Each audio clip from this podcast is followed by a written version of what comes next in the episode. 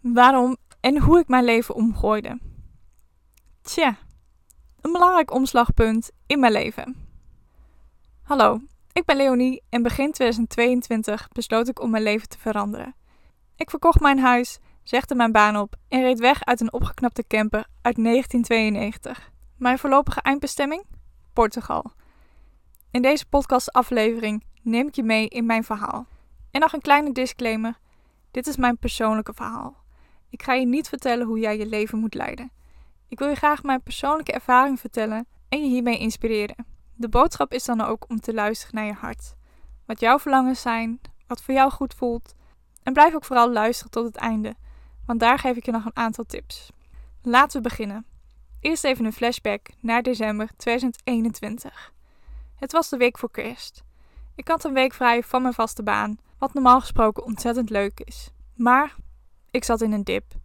Ik woonde in een klein dorpje en het voelde alsof ik vastzat in mijn eigen leven. Ik dacht letterlijk: wat doe ik hier nog? Mijn leven voelde als één grote verplichting. En als er iets is wat belangrijk voor me is, dan is het vrijheid. Me vrij voelen. Het leven leven en nieuwe dingen ontdekken en gaan creëren vanuit mijn hart. En dat was voor mij een belangrijke wake-up call. Ik zat op mijn mooie mintgroene bank en dacht letterlijk: als ik blijf zitten waar ik zit, word ik doodongelukkig en moet iets veranderen in mijn leven. En ik had al heel lang de droom om te gaan reizen of om een tijdje in het buitenland te gaan wonen. En ik was daar op mijn manier al twee jaar mee bezig. Mijn overtuiging was namelijk dat ik eerst geld moest gaan verdienen met mijn eigen opgezette business, zodat ik vrij was om op reis te gaan. Je weet wel, lekker remote werken met je laptop. Maar wat ik ook allemaal bedacht, het werkte allemaal net niet. Het lukte me niet om die business op te zetten. En ik moet erbij zeggen dat er meerdere factoren waren, onder andere door faalangst, waardoor het niet lukte. Maar één belangrijk ding was dat ik opeens besefte dat ik het misschien wel om moest draaien. Want ik was iets aan het creëren vanuit een tekort. En als je iets niet moet doen, dan is het handelen vanuit tekort. Want dan trek je het juist aan.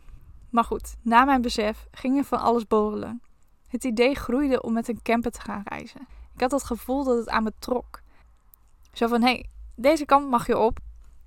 En toen ik eenmaal het besluit had gemaakt van, oké, ik ga dit doen. Ik ga met de camper op reis. Ik ga mijn werk opzeggen. Ik ga mijn huis verkopen. Toen ik dat besluit had gemaakt, ging alles in een stroomversnelling. En natuurlijk zijn er heel veel dingen om over na te denken. Want had ik genoeg geld om een camper te kopen? En het ironische is dat, precies op dat moment, kwam er een kleine erfenis naar me toe, waardoor ik die camper kon kopen. En natuurlijk had ik dat stemmetje. Moet je dat wel doen? Want ik had een heel fijn huis en mijn huis was mijn veilige haven. Maar ik wilde gewoon niet op die plek blijven wonen. Ik voelde dat ik een andere kant op moest gaan en mijn leven moest gaan leven. En ik kan je zeggen, het is de beste keuze die ik ooit heb gemaakt. Want ik koos voor mezelf. Ik besloot het anders te doen dan iedereen om me heen. En hoewel het proces moeilijk was, was het tegelijkertijd ook weer heel gemakkelijk. Alsof het zo moest zijn. Ik stond achter mijn keuze. En wat heel grappig was, is dat ik begin 2022 heel leuk op Marktplaats aan het zoeken was naar busjes. Maar ik had geen idee waar ik op moest letten. En daarom had ik de hulp ingeroepen van mijn zus en haar vriend. Want ze hebben zelf ook een camper en gaan al jaren met de camper op reis. En toen we in mijn oude huis aan de keukentafel zaten met de comté, noemde ik mijn budget. Waarop mijn zus zei: Maar van dat geld kun je onze camper ook wel kopen. En pas toen besefte ik mij: Oh, dat is misschien ook nog een optie. Want ik had de hele tijd het idee gehad dat die camper te groot voor me was. Een gezinscamper, veel te groot voor mij alleen. Maar toch was er iets getriggerd en ging ik kijken. En ja, later besloot ik toch om die camper te kopen. Ik wist dat ze die camper wilden verkopen, maar ze waren aan het wachten tot het seizoen weer aanbrak. Het stond gewoon al voor me klaar. Ik wilde het alleen niet zien. En zes maanden later zit ik in Portugal. En je wilt niet weten, de vrijheid die ik ervaarde toen ik met mijn opgeknapte camper onderweg was, onbeschrijfelijk. De natuur in, plekken ontdekken, nieuwe ervaringen opdoen, mensen ontmoeten. Ik had het gevoel dat ik weer leefde. En nog steeds. En dat vind ik zo heerlijk. En dat is ook mijn boodschap. Je kunt het leven vormgeven zoals jij dat wilt. Je moet alleen luisteren naar je hart. En dat begint bij bewust stilstaan bij wat jezelf. Jezelf beter leren kennen. Ontdekken wat bij jou past, wat voor jou belangrijk is, welke kernwaarden voor jou belangrijk zijn. Voor mij dus onder andere vrijheid. En focussen op jou, wat voor jou goed voelt. En ja, daar horen moeilijke keuzes bij. daar hoort heel veel loslaten bij als je je leven omgooit. Onderschat het niet. Neem hier de tijd voor. Geef het de ruimte om het te verwerken. En als je twijfelt, ga het gewoon doen. Ook al wordt het niks, je bent wel een ervaring rijker. Je bent gegroeid en als dat het niet is, weet je tenminste dat dat het niet is.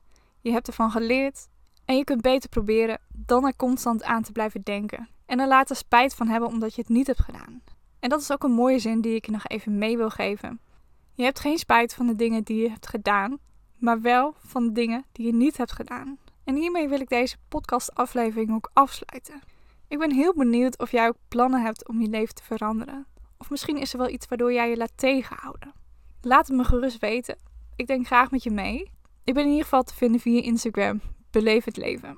Ik hoop je met mijn verhaal een beetje te hebben geïnspireerd, zodat er iets in beweging kan komen. Heel erg bedankt voor het luisteren en tot de volgende. Doei doei!